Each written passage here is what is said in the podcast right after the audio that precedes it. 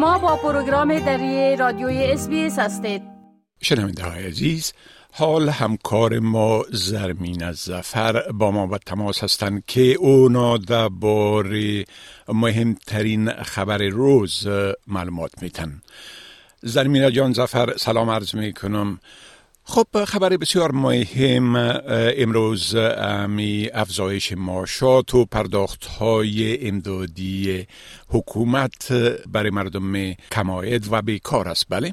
سلام خدمت شما و شنوندای عزیز بله شکیب صاحب امروز خبر بسیار مهم درباره افزایش پرداخت ها و کمک های دولتی به چهار اشاری میلیون استرالیایی است که به خاطر مصارف زندگی از دولت کمک حاصل می‌کنند بله خب می‌تونین بگوین که کدام معاشات رفاهی طبق ای اقدام حکومت افزایش خواهد یافت؟ روز دوشنبه آماندا ریشورد وزیر خدمات اجتماعی گفت که افزایش پرداخت های رفاهی یا امدادی بعد از 20 سپتامبر آغاز میشه که این بزرگترین پرداخت ها در طول سی سال گذشته به کسایی که هزینه های زندگیشان دولت پرداخت می‌کرده و دوازده سال به کسایی که بازنشسته هستند یا متقاعد هستند است.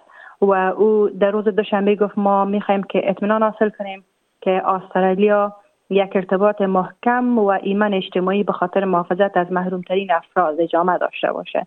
و او گفت که این پرداخت ها فقط به افرادی است که اونا کمک از دولت حاصل می‌کنن که او شامل افراد متقاعد افرادی که دارای معلولیت هستند افرادی که از بیماران و بزرگسالان مراقبت می‌کنن. کسایی که محصلین بومی است و والدینی که از اطفال خود مراقبت می‌کنن اطفالی که زیر سن هستند بسیار خرد هستند و والدینی که به صورت انفرادی زندگی می‌کنن یعنی بدون زوج خود هستند به اونا کمک صورت می‌گیره.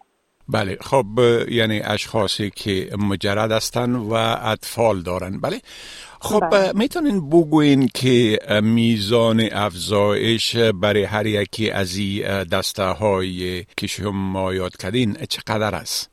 میزان افزایش به افراد متقاعد، افرادی که دارای معلولیت هستند و افرادی که از بیماران و بزرگسالان مراقبت می‌کنه در هر دو هفته 37.80 دلار که در مجموع به هر فردشان کسایی که انفرادی زندگی می‌کنن داده میشه و کسایی که زوج هستن 58.80 دلار در هر دو هفته برشان پرداخت میشه. یعنی افزایش میابه بله؟ بله ای افزایش میابن ماشاتی که برشان قبلا داده می‌شد ای زیادتر برشان داده میشه. یعنی 58.80 دلار در هر دو هفته برشان اضافه میشه. و معاش متقاعدین به 1026.50 دلار در هر دو هفته به کسایی که انفرادی زندگی می‌کنن یعنی تنها زندگی می‌کنن می‌رسه و کسایی که با زوج خود زندگی می‌کنن 1547.60 دلار برشان داده میشه در هر دو هفته.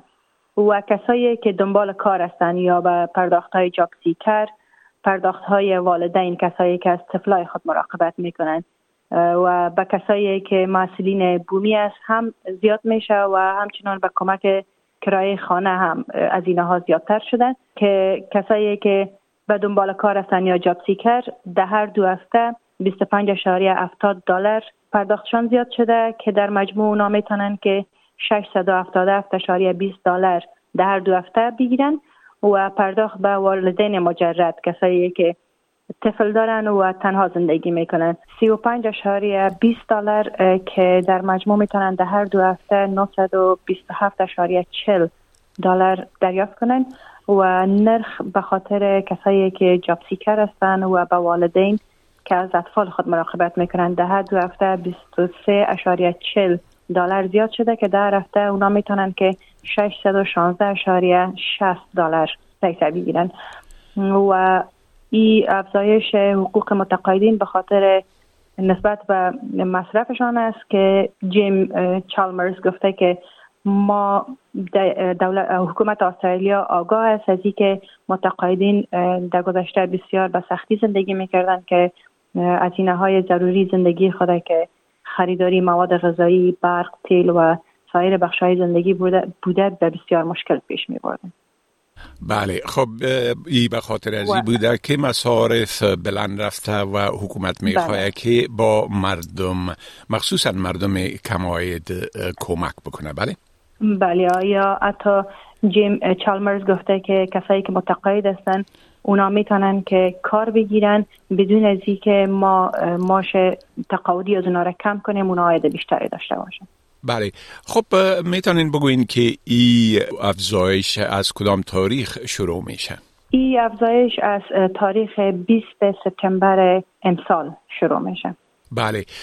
خب زرمین جان زفر از این معلوماتتان یک جهان تشکر و فعلا شما را به خدا می سپارم و روز خوش برتان آرزو می کنم روزتان بخیر.